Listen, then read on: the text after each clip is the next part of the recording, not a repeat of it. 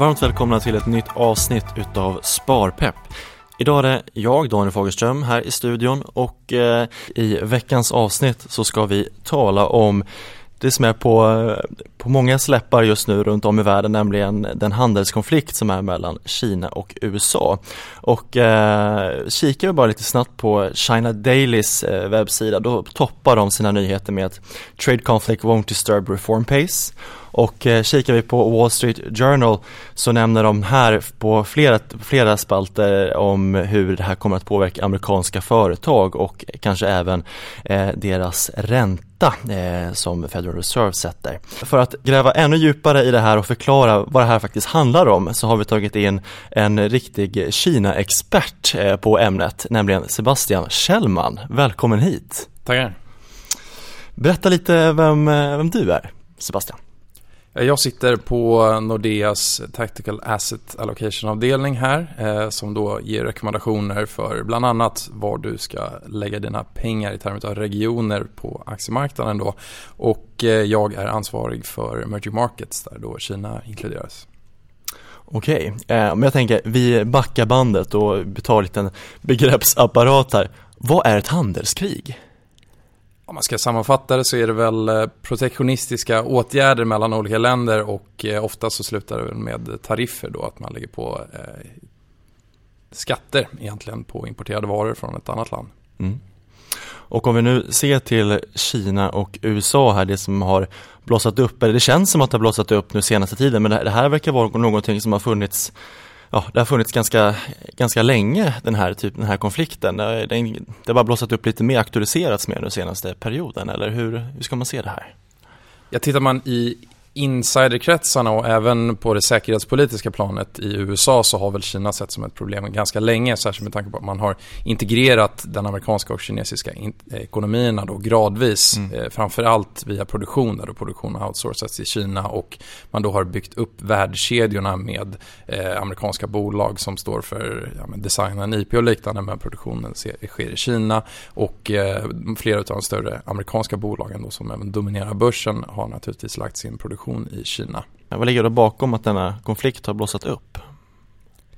Det är väl ett eh, klassiskt eh, egentligen eh, tecken på en, en etablerad stormakt som, utom, som utmanas utav en, en växande stormakt eller en utmanande stormakt. Och eh, som ofta i historien så slutar det med någon typ utav konflikt. Eh, den här gången är väl den stora skillnaden att de två ekonomierna som jag nämnde då är så pass integrerade. Så att eh, det, jag skulle egentligen vilja bredda det här från handelskonflikt till en mer strategisk konflikt för det innefattar ju även en, en tech-konflikt till exempel om vem som ska vara ledande inom tech som ju ofta korrelerar med eh, militär teknologi då också globalt. Så att eh, som vi har nämnt eh, tidigare i de här poddarna när vi har varit med också så, så har ju marknaden Eh, och även media då fokuserat mycket på just handelskonflikten för att det är det område som Trump fokuserar på. Han fokuserar på handelsbalansen och att USA har ett stort underskott mot Kina. Prata lite om handelsbalans mellan Kina och USA. Eh, skulle du kunna förklara den?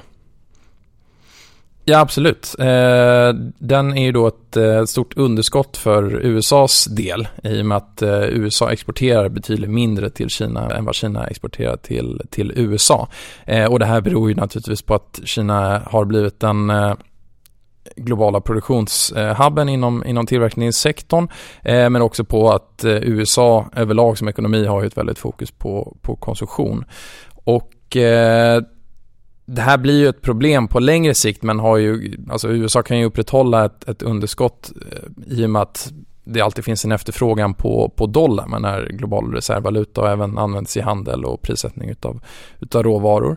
Eh, men eh, en del utav den här eh, liksom underskottet i balansen beror ju på att Kina slutmonterar många produkter. Så att tar man i, i själva underskottet så de iPhones som tillverkas i Kina går ju in till fullo i, i handelsunderskottet då. Men samtidigt så skapas ju inte allt värde i sig en eh, slutförd iPhone i Kina utan det kommer ju mycket produkter, skärmar och, och liknande från Korea, Taiwan, eh, Tyskland.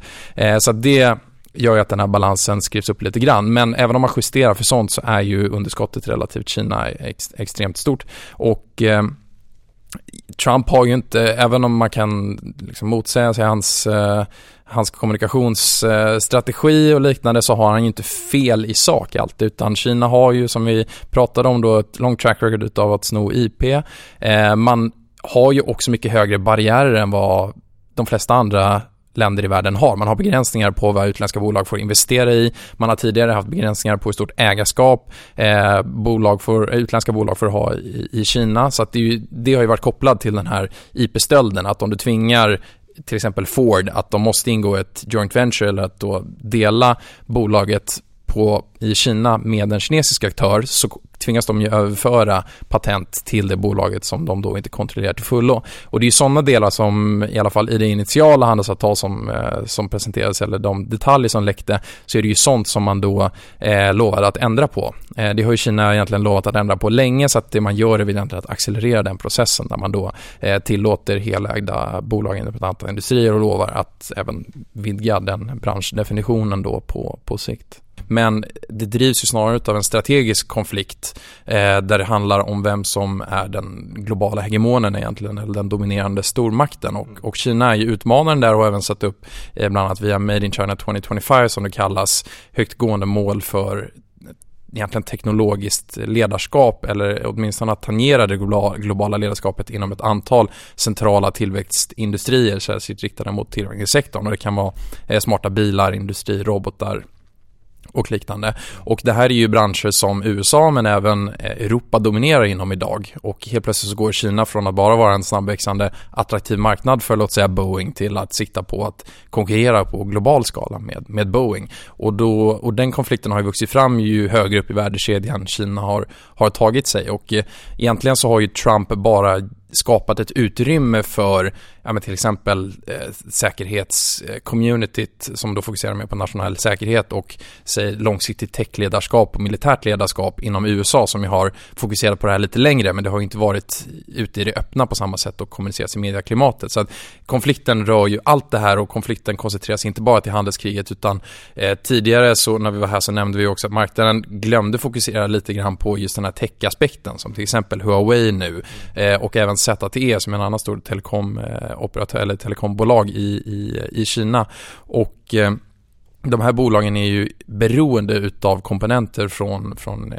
amerikanska bolag och blockar man då exporten från amerikanska bolag till de här bolagen så går de i stort sett under vilket ZTE eh, var tvungna att annonsera inom ett antal dagar och man skulle förmodligen också vara kapabel till att egentligen sänka Huawei vilket ju är ett av de större bolagen globalt men, men definitivt den främsta egentligen eh, näringslivssuccén för, för Kina.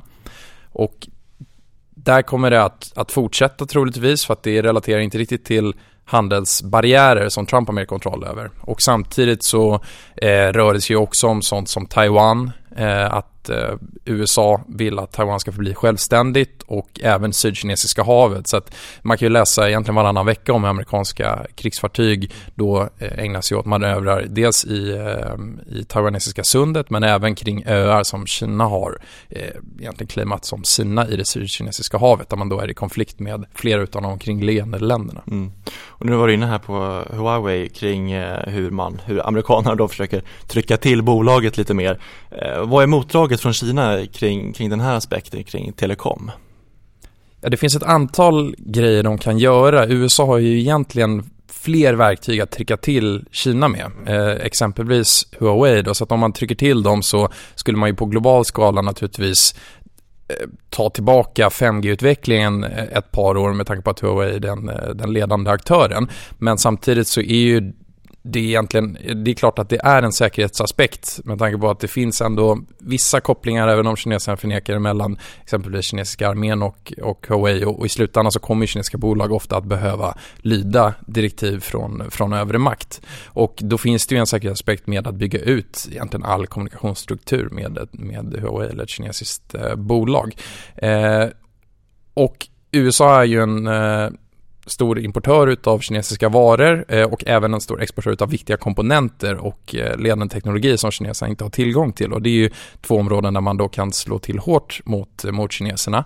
Kineserna eh, kan ju slå till med exempelvis att på något sätt hindra försäljning från amerikanska bolag i Kina. Ta Apple till exempel, mm, har ju 20% utav mm. intäkterna i Kina. Mm. Men samtidigt så, det är ju lite grann att skjuta sig själv i foten också. Mm. För att mycket utav Apples jobb ligger ju i Kina, eller i alla fall fabrikerna där det tillverkas. Så att, att då blocka eh, Apples försäljning i till exempel för Kina skulle ju drabba eh, kinesiska jobb också. Så att det är ju ingenting som man gör lättvindigt. Eh, och samtidigt så pratas det om att de till exempel ska sälja en del av sina amerikanska statsobligationer eller treasuries. Men det är också lite grann att skjuta sig i foten för att gör man det så skulle det skapa marknadsturbulens vilket gör att andra skulle köpa amerikanska statsobligationer. Så att i slutändan kanske kineserna tvingas sälja de här till ett lägre värde men i slutändan så har eh, värdet på eh, obligationerna gått upp för att resten av världen har, har gått in och, och köpt. Och samtidigt så skulle man enbart kunna skapa egentligen en kortsiktig turbulens för att så stora eh, innehavet av obligationer har man inte relativt den, den totala stocken. Då. Mm. Och det som har eh, blommat upp här nu på sistone är väl eh, rare earths eller sällsynta jordartsmetaller där Kina har en väldigt dominant eh, position i världen idag och, och det har ju säkert många av er läst om i media. Och det här är väl ett av de mer potenta vapnen i alla fall på kort sikt. Men sen så finns det en del eh, egentligen hinder för att, att Kina ska göra det här också eller för att det ska bli eh, långsiktigt skadligt. Så att tar man rare earths eller, eller sällsynta jordartsmetaller så är det inte som det låter egentligen så sällsynta utan det handlar mer om att de finns i väldigt låg koncentration och de klumpar inte ihop till ett enhetligt bara bestående av ett ämne som till exempel eh, många metaller. Utan eh, de, de blandas ihop och är väldigt svåra att utvinna. Så att det här sällsynta bör egentligen eh, översättas till, till svår, eh, svårt att utvinna. Och eh, tar man, går man tillbaka till 80-talet så var USA, även om man idag importerar 70-80% utav, utav sina sällsynta jordartsmetaller från Kina och eh, Kina står väl för 70-80% utav global eh, produktion också, så var USA den dominante producenten utav rare eh, tillbaka på 80-talet. Men i takt med att Kina då kom in på marknaden så dök det upp en billigare producent och framför allt någon som har lägre miljöstandard. För att vad du behöver göra när du utvinner Eh, just sällsynta jordartsmetaller är steg på steg på steg utav då utvinning utav specifika delar utav det hela och det, det tär väldigt mycket på miljön och är ju någonting som i alla fall västvärlden gradvis har hindrat och gjort lite dyrare att utvinna. Men i Kina har man inte haft lika höga krav och samtidigt så har man då haft eh, billigare produktion. Eh, men Kina provade ju att utnyttja sin dominanta position från det här då tidigare, 2010, då man under två månader eller liknande blockerade sin export till Japan. Det som hände var naturligtvis att priserna på de här eh, stack i höjden, men eh, enbart temporärt och eh, det provocerade också fram en ökad produktion hos exempelvis Australien, vilket gjorde att från att ha producerat 90% utav, utav världens eh, eh, rare earths så, så står ju Kina idag för 70% eh, snarare. Och gör man det här nu så kommer det ju istället om 5-10 år sluta med att Kina har sänkt sin andel av global produktion och istället så kommer den att mötas för att som jag nämnde så, så finns det ju tillgångar i USA, Australien, Kanada.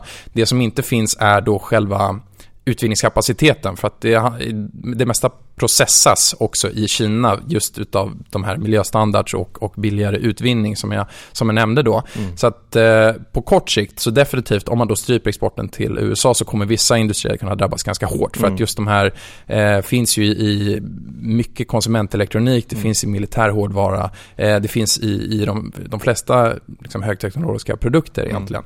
Och eh, sen neutraliseras det här till viss del baserat på att i västvärlden men också amerikanska staten, amerikanska bolag har byggt upp lager. Eh, framförallt efter 2010 där man då såg Kina egentligen använda det här som ett vapen. Så att nu skulle jag väl tro att det finns i alla fall 3-6 månader utav, utav lager med det här. Så att på kort sikt eh, så finns det ju det som, som begränsar då effekten och skulle man gå längre än 36 månader så, så skulle det naturligtvis eh, sätta käppar i hjulen för vissa industrier. Men tittar man på längre sikt så finns det produktionskapacitet mm. eller kapacitet att öka utvinningen utav de här på andra platser i mm. världen. Och om Kina gör det här då, så precis som de andra eh, alternativen vi nämnde här, så är det lite att skjuta sig i foten. Mm. För att i slutändan så kommer de ha en mindre dominant position inom det här, även om de då på kort sikt naturligtvis kan, mm. kan använda det här vapnet för att svara på ja, USAs eh, drag här mm. i handelskriget. Absolut.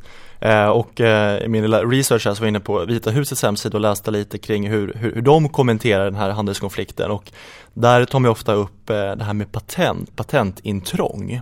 Eh, stämmer det? Absolut, det är väl eh, ganska utbrett erkänt att Kina under lång tid har ägnat sig åt att eh, sno västerländsk IP, eller västerländsk men IP från, från utlandet. Och det här har ju länge ignorerats så länge som Kina höll sig på en hyfsat låg nivå i, i värdekedjan naturligtvis. Men det finns ju ett antal exempel. Eh, vi kan ta Huawei har ju definitivt tagit många eh, utav patenten från Ericsson och idag är man det globalt ledande bolaget inom 5G. Eh, ett annat bra exempel är höghastighetståg där Kina egentligen i början på 2000-talet bjöd in alla globala aktörer, de ledande då Alstom, eh, Kawasaki från Japan, eh, Siemens och eh, sa att okej, okay, ni får tillgång till den kinesiska marknaden men då måste ni överföra IP eller patent till, till företag i, i Kina här.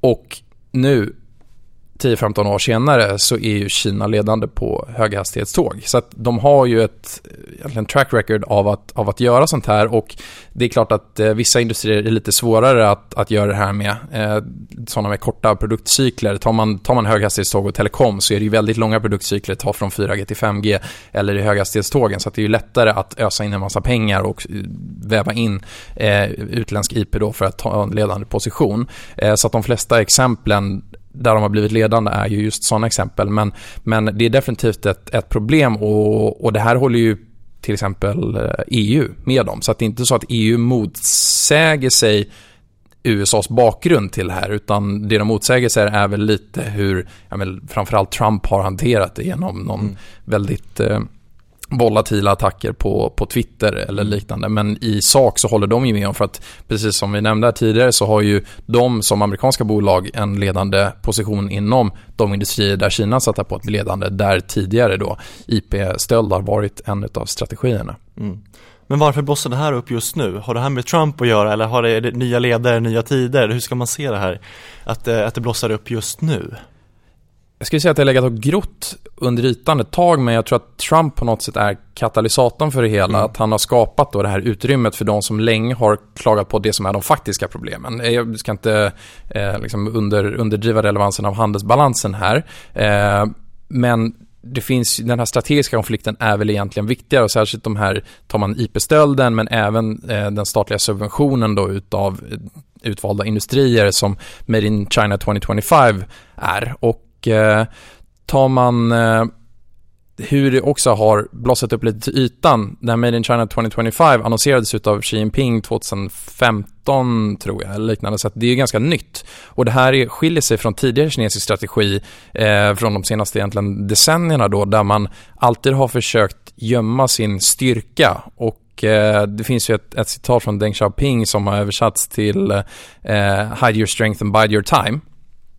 Och eh, jag tror att på kinesiska så egentligen den, den korrekta översättningen är någonting i stil med att eh, man ska dölja, dölja ljus på något sätt. Så man ska inte släppa ut det som sker på, på insidan. Och eh, det, Xi Jinpings då annonsering utav det här stora projektet gick egentligen rakt emot det. Och det har ju också tagit fram då till ytan och även Eh, för alla att se att okej, okay, Kina siktar på att ha så här hög marknadsandel inom, låt säga, eh, elektriska bilar 2025 eller 2030. Och tidigare så har det skött, skötts lite i det mörka, men eh, det har han ju också fått kritik för, för att han helt plötsligt har visat Kinas styrka då, snarare än att bara låta det växa på lite i skymundan och inte riktigt ge eh, det offentliga fakta om, om, om vad som händer. Så att det och även det här storskaliga eh, Belt and Road Initiative där Kina då eh, med infrastruktur både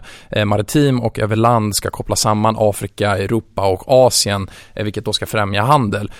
Mm. Nu har varit inne och nämnt lite kring ett av de största infrastrukturprojekten på väldigt många år, om inte är världens största infra infrastruktur.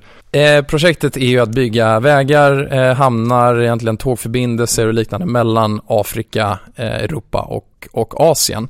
Mm. Eh, syftet för Kina är egentligen att dels säkra, eh, säkra den här handelsdominansen men också att säkra tillflödet egentligen utav basprodukter, råvaror från Afrika som ska då eh, kopplas in i en produktionskedja i Asien, framförallt Kina. Samtidigt så ska Kina då lätt kunna exportera de här produkterna till resten av Asien men också till Europa. Eh, och målsättningen är att man då med tåg på några dagar egentligen ska kunna ta sig från, eh, från Kina till, låt säga, Tyskland, vilket ju betyder mycket snabbare än vad transport via eh, eh, via båt eh, är idag, men, men idag fortfarande betydligt eh, dyrare. Mm. sen är ju, som jag nämnde, så är det lite av ett prestigeprojekt också. Tar man bara Belt and Road Initiative så större delen av finansieringen kommer inte från just det projektet, utan det kommer från liksom andra eh, organisationer som lånar ut, eller banker som lånar ut pengarna till, till projekten. Så att det handlar mer om att... I, i regionerna? Ja, exakt. Så det handlar ju mer om att få Kina att låta mm. som eh, man har någon slags stor Marshallplan för, för resten av Asien och, och, och Afrika. Och eh, i många fall så hamnar ju mindre, ganska fattiga länder i skuldfällor. Eh, och samtidigt så när man bygger de här eh, infrastrukturprojekten så brukar det ju alltid slussas in kinesiska arbetare, det är kinesiska bolag som gör det. Och det har ju skapat en, eh, viss konflikt mellan Kina och andra länder i regionen också, att man är lite trött på att vad gynnas vi av egentligen när det är inte vi som får arbetstillfällena, eh, det är inte vi som får, eh, får vinsterna och ibland så, så blir det inte lönsamt egentligen i och med att det ofta är stora projekt som byggs mer av, av strategiska eller prestige eh, skäl. Eh, men nu får man ju alltid låta dåligt här, det är det absolut inte. Men det, det finns naturligtvis en baktanke med kineserna och, och det är inte bara av, av, god vilja som de eh, investerar i infrastruktur.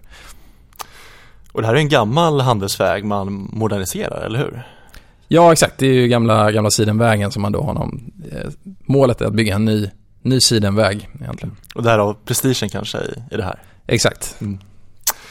Och när man klickar runt lite här på eh, China Daily, eh, jag har inte jag förberett dig för det här Sebastian, men det står det mycket om att man vill främja den regionala handeln runt Kina. Eh, är, är, är det någonting du tror kan växa mer, att man bygger upp ett motsvarande EU runt, runt, runt Kina med de asiatiska länderna?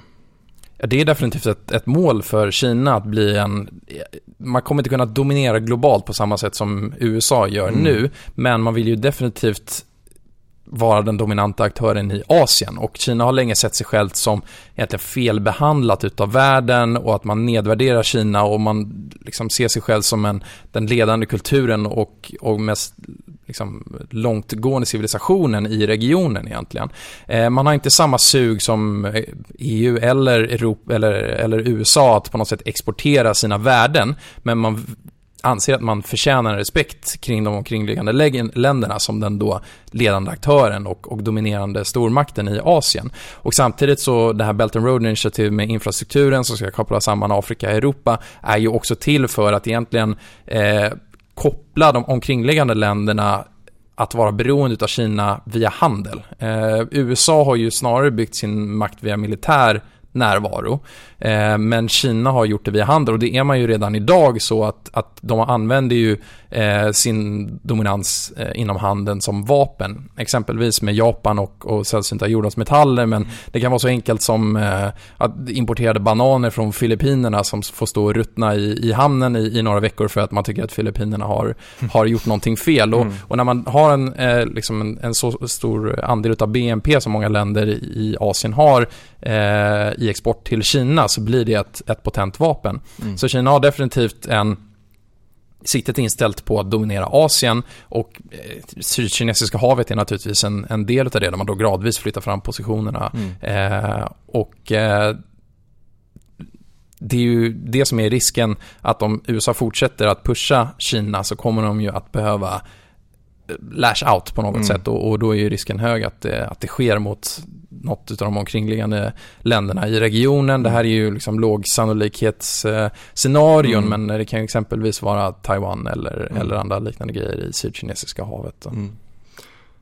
Men eh, som du sa, ett handelskrig, det finns ju alltid konsekvenser utav det. Vad, vilka är vinnarna och förlorare i det här? du sa Nokia och Ericsson kan bli vinnare om Huawei får Eh, Eh, lite på däng. På kort sikt så, eh, så, så straffade ju börsen definitivt och sentimentet. Eh, så att, eh, och, och det drabbar ju egentligen hela världen. Men Eh, det finns ju alltid ett antal vinnare på, på lite medellång och längre sikt och det blir ju de som kan ersätta kinesiska bolag eller kinesisk eh, produktion. Eh, och tar man till exempel i i alla fall i, i, längre ner i värdekedjan så kommer ju att man då gradvis flyttar produktion från Kina som redan hade börjat egentligen för att nu har man ju en betydligt högre lön inom tillverkningssektorn än vad de flesta omkringliggande länder i Asien har och även Mexiko. Men samtidigt så har ju Kina gynnats av att man har de här klustereffekterna där alla eh, suppliers ligger på samma ställe och du har sammankopplade produktionskedjor. Så man har ju inte flyttat ut från Kina i samma takt som bara löner skulle förutspå. Men bolag har ju gradvis börjat flytta till ja, Mexiko och Vietnam och den processen accelereras ju också av ett sådant här handelskrig. Så man ser ju redan att eh, investeringar och även export från Vietnam har gynnats utav just eh, Kinas svaghet och den kommer det fortsätta att göra. Och även Mexiko. Eh, nu har ju Trump börjat bråka även med dem här men på längre sikt så, så är ju de en potentiell vinnare i det här. Eh, vi nämnde Huawei, så Nokia och Ericsson definitivt vinnare om man nu eh, skjuter, skjuter Huawei i, i sank. Mm. Eh, och sen det är alltid svårt att egentligen eh, utröna vilka vinnarna kommer bli. För att det finns så många globala bolag att eh, många bolag håller ju fortfarande på och egentligen kalkylerar hur det kommer att drabba just dem och hur, när man då påverkar produktionskedjan i Asien. Så att, att Europa eh, drabbas hårt av handelskriget ibland beror ju exempelvis på att ja, men, BMW tillverkar väldigt många av sina bilar i USA eller Kina snarare än i, i Europa. Eh, och det gör ju att många av de då globala bolagen, bolagen i, i Europa, även de drabbas. Men på, på längre sikt så, så missgynnas ju, den stora förloraren blir väl naturligtvis Kina och eh, USA eh, tar man bara den liksom strikt nationalekonomiska effekten så kommer den alltid säga ja men mer protektionism eller handelskrig kommer alltid att vara dåligt. Eh, sen kan man säga att det beror ju på lite hur ekonomin ser ut för tillfället också. Eh, om ekonomin går på högvarv så tenderar det att vara sämre för att då driver upp inflationen. Nu ska man säga att, att USA har väl varit mer åt högvarvshållet än, än på dekis på mm. sistone mm. och ur den aspekten så är det ju inte bra.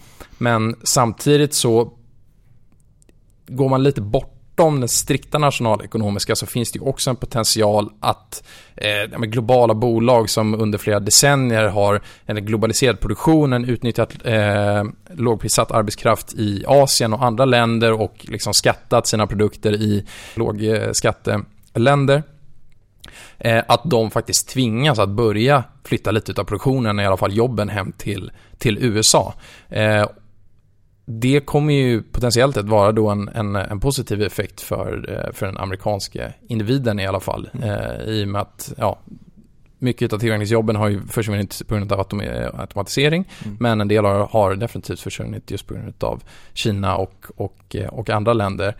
Eh, och samtidigt så, det är ju inte bara handelskrig då, men det, eh, det blir ju en, en del av den processen där man då egentligen slår till lite grann mot den, det globala kapitalet, om man nu ska mm. kalla det mer, mm. men det har blivit globala bolag och, och just nu så håller man även på och, och tittar på eh, konkurrensbrott för alla de större techbolagen i mm. USA, Apple, Google, Facebook mm. och liknande. Och, och det är ju en del av egentligen samma underliggande eh, populistiska, men det är också lite fel att kalla den populistisk för att tittar man de senaste decennierna så har ju liksom andelen av, av eh, ekonomin som går till löner sjunkit relativt det som går till vinster och, och, och eh, kapitalet. Och det är ju sånt som gör att populism gror och, eh, och det kommer ju ta utlopp och på något sätt försöka eh, återvända till, eh, till ett mer långsiktigt average på något sätt. Och mm. då blir ju eh, just sånt här en, en del där man försöker ta tillbaka jobb men även eh, slår till mot de globala bolagen som utnyttjat det här systemet. Så mm. att, ja, turbulens på kort sikt, lite mm. svårt att utröna vem som kommer bli den stora vinnaren. Men det behöver inte bara vara negativa effekter. Nej. Nu ska jag inte måla ut det som någonting bra, men, men det är ju, ibland får ju Trump eh, med rätta på grund av kommunikationstekniken använder mycket skit. Men samtidigt så har han ju ofta rätt i en del av de saker mm. han säger och i handelskonflikten så har han ju inte byggt en helt på lösa boliner och samtidigt så har han ju då skapat ett utrymme för andra delar av konflikten som kanske är mer viktiga och mer långsiktigt viktiga ur en strategiskt eh, hänseende. Mm. Och nu eh, om man är småsparare och sitter och lyssnar på det här avsnittet hur ska jag agera i, i den här omvärlden kring, kring mitt sparande? Hur ska jag tänka? Man får ju på kort sikt definitivt eh, bli lite mer försiktigt inställd till, till aktiemarknaden som helhet, men även de regioner som drabbas hårdast utav det hela. Och skulle man få ett fullskaligt handelskrig så är det negativt för, för Kina och, och de omkringliggande länderna definitivt, men även den, den globala liksom, verkstadssektorn också. Och det drabbar ju ett, ett land som Sverige och särskilt svenska börsen i och med att eh, de senaste åren så har ju mycket av framgångarna för ja, men Atlas Copco och Alfa Laval byggts på just hög tillväxt inom Kina men även hög tillväxt driven av Kina i omkringliggande Asien och andra emerging markets. Eh, så att definitivt lite mer försiktig och, och det kommer även bidra till att marknaden blir mer volatil, det har vi redan sett de senaste veckorna och sannolikheten för att vi får ett avtal på kort sikt har som sagt sjunkit, vilket gör att den här volatiliteten kommer att spridas ut. Där du då får eh, Trump som kan leka jojo med, med marknaden via tweets, men även eh, kommentarer från, eh, från kinesernas håll. Eh, sen så måste man ju ständigt uppdatera sin syn. Så att eh, om då Kina skulle verkligen eh, tvingas eh, på 100% eh, eh, eller tariffer på 100% av varorna till, till USA och man även slår till mot Huawei och liknande så kommer kineserna att tvingas till ett stimulanspaket som liknar det man gjorde egentligen kring finanskrisen. Mm. Inte av den magnituden men kanske 2015 i alla fall. Eh, och hittills så har man ju varit tveksam till det trots att ekonomin har saktat in. Inte bara beroende på handelskonflikten utan den har bara adderas till det här. För att man egentligen, det här har ju också kommunicerats i media, kanske inte lika mycket nu men tidigare att man har byggt upp en hög skuldsättning, tagit på mycket lån på de statligt ägda bolagen, eh, investerat i infrastruktur och, och, liknande som kanske inte till fullo behövs eh, för att då stimulera ekonomin när han har saktat in. Den här gången så har man ägnat sig mer åt att eh, begränsa skuldsättning för att man då är rädd för finansiell instabilitet eh, och även fokusera sina stimulanser mer mot konsumenten än vad man tycker det är i framtiden. Men sätts man verkligen på plats där ekonomin drabbas av ett väldigt stort och eh, eh, eh, hot på, på kort sikt som snabbt kommer manifesteras så kommer man ju tvingas till liknande stimulanser som förut där man då driver en stor investeringscykel, tvingas statliga bolag belåna sig ännu mer och det tenderar ju att gynna ja, men verkstad men även råvaruexportörer inom emerging markets.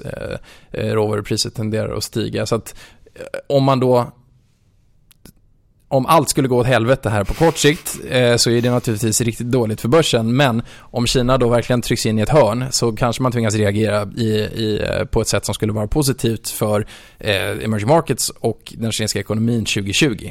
Eh, och positivt menar jag då definitivt på kort sikt för att eh, de här eh, minskningarna av skuldsättning och andra reformåtgärder som Kina har ägnat sig åt tills det började eh, brinna lite i ekonomin här på sistone är ju nödvändiga för att skapa en långsiktig hållbar tillväxtbana. Mm. Eh, så att, att, ägna sig åt ett, ett ännu stort, eh, ännu ett stort eh, tillväxtstimulanspaket här, inte bra på lång sikt, men på kort sikt kan det absolut eh, vara bra. Hur viktigt är det att tänka långsiktigt här i sitt sparande, att man inte drabbas av panik när man läser de här rubrikerna, för man får ju, man får ju lätt eh, lite hjärtklappning när man läser en del eh, rubriker, hur kommer det påverka mitt sparande? Men eh, vi har väl sett värre saker än det här?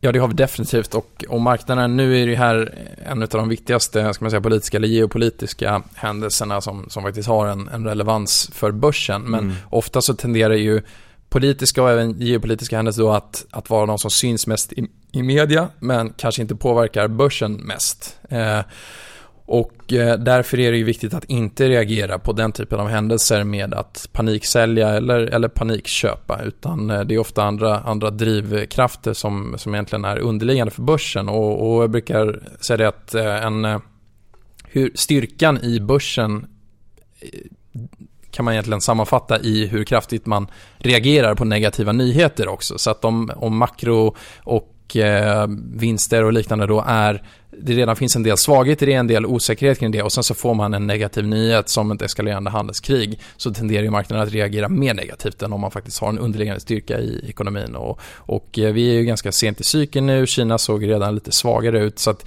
det skapar en del nedsida om den här konflikten då faktiskt, eh, faktiskt eskalerar. Eh, men sen så det bästa tipset är ju att ja, när rubrikerna är som värst så är det ju snarare bättre att, att köpa. Och en av indikatorerna som ja, men, även vi, men eh, naturligtvis hela branschen tittar på är ju just den typen av indikatorer kring överdriven rädsla eller överdriven mm. eufori i marknaden. Mm. Och när det är som värst rubriker på DI så mm. tenderar ju det att korrelera ganska högt med att eh, man är alldeles för, för bässig på marknaden mm. eller man har en överdriven pessimism. Och, mm. och det brukar snarare vara tillfällen att, att köpa. Nu säger jag inte att vi har nått dit, men, eh, men när de väl uppenbarar sig, de allra värsta dödsrubrikerna, så kanske man ska vara med, lite mer långsiktig och, och inte paniksälja alltihopa. Utan. Eh, vikten av en global portfölj när du investerar, eh, är det att understryka här? Absolut, eh, särskilt i, eh, i Sverige skulle jag säga, där eh, det ofta är svårt att sälja den här globalt viktade portföljen för att eh, en av de bäst presterande börserna under väldigt lång tid har ju varit den svenska börsen och, och särskilt drivet av verkstadsbolagen. Eh, sen ska man ju vara lite försiktig med att extrapolera liksom utvecklingen in i framtiden och, och får man en lite liksom svagare global industricykel som ju har drivits av Kina mångt och mycket eh, så kan ju det skapa lite lägre långsiktiga tillväxtnivåer. Eh, och, och, det kan ju naturligtvis, det kommer inte att, att eh, leda till någon kollaps i svensk verkstad men, men det kanske inte kommer att driva samma höga tillväxt som de har sett under de senaste liksom, två decennierna. Eh, och samtidigt så får du ju en väldig koncentration till bara två sektorer om du mm. köper i Sverige. Du får banker och sen så får du verkstadsbolag. Mm. Och eh, du missar ju hela techscenen som finns i USA exempelvis. Eh, och sen så finns det ju med defensiva bolag som eh, koncentrerar till till exempel eh, Schweiz eller, eller UK där det finns eh, mycket eh, då dagligvarubolag men också farma och, och, och, liknande. Så att, att ha en global portfölj leder ju också till att man får en diversifiering mellan de olika sektorerna, mm. vilket är viktigt för att sänka volatiliteten, vilket ju också gör att du eh, säkert kan sova lite bättre om nätterna, mm. särskilt i en sån här episod där ju svensk verkstad är en av de sektorer som reagerar allra kraftigast på nyheter inom handelskonflikten. Så mm. skulle den blossa upp så sitter du ju hellre på ja, eh, schweiziska mm. eh, liksom, läkemedelsbolag än mm. de svenska verkstadsbolagen kanske. Mm. Så att, eh, ur det hänseendet så är det alltid bättre att ha en, en, eh, en eh, liksom, globalt diversifierad portfölj då, eh, som både är diversifierad vad gäller regioner och, och sektorer. Mm. Och det är ganska enkelt att få en sådan i Nordea då också. Jag tänker vi har ju flera olika möjligheter. Vi har exempelvis Nora, vår sparrobot. Sen har vi ju en spargenerator som vi släppte här för några veckor sedan. Och det innebär att du egentligen med några klick utifrån ja, hur mycket svängningar du, du själv kan tolerera innan det gör ont i magen så får du en, en portfölj på några minuter och då är den också helt allokerad eh, globalt. Eh, så det är toppen. Bra. Eh, någonting annat eh, du skulle vilja lägga till eh, Sebastian för att avrunda det här avsnittet om den eskalerande eh, handelskonflikten mellan Kina och USA? Jag tror att vi har hunnit gå igenom det mesta här redan ja. kanske. Men jag får väl återvända ifall det, det händer någonting eh, nytt. Mm, absolut. Stort tack för ditt deltagande. Tack själv. Och med de orden så tackar vi för att ni lyssnade på veckans avsnitt och eh, vi säger då goodbye och eh, chin från eh, Sparpepp i eh, det här veckans avsnitt om handelskonflikten mellan USA och Kina.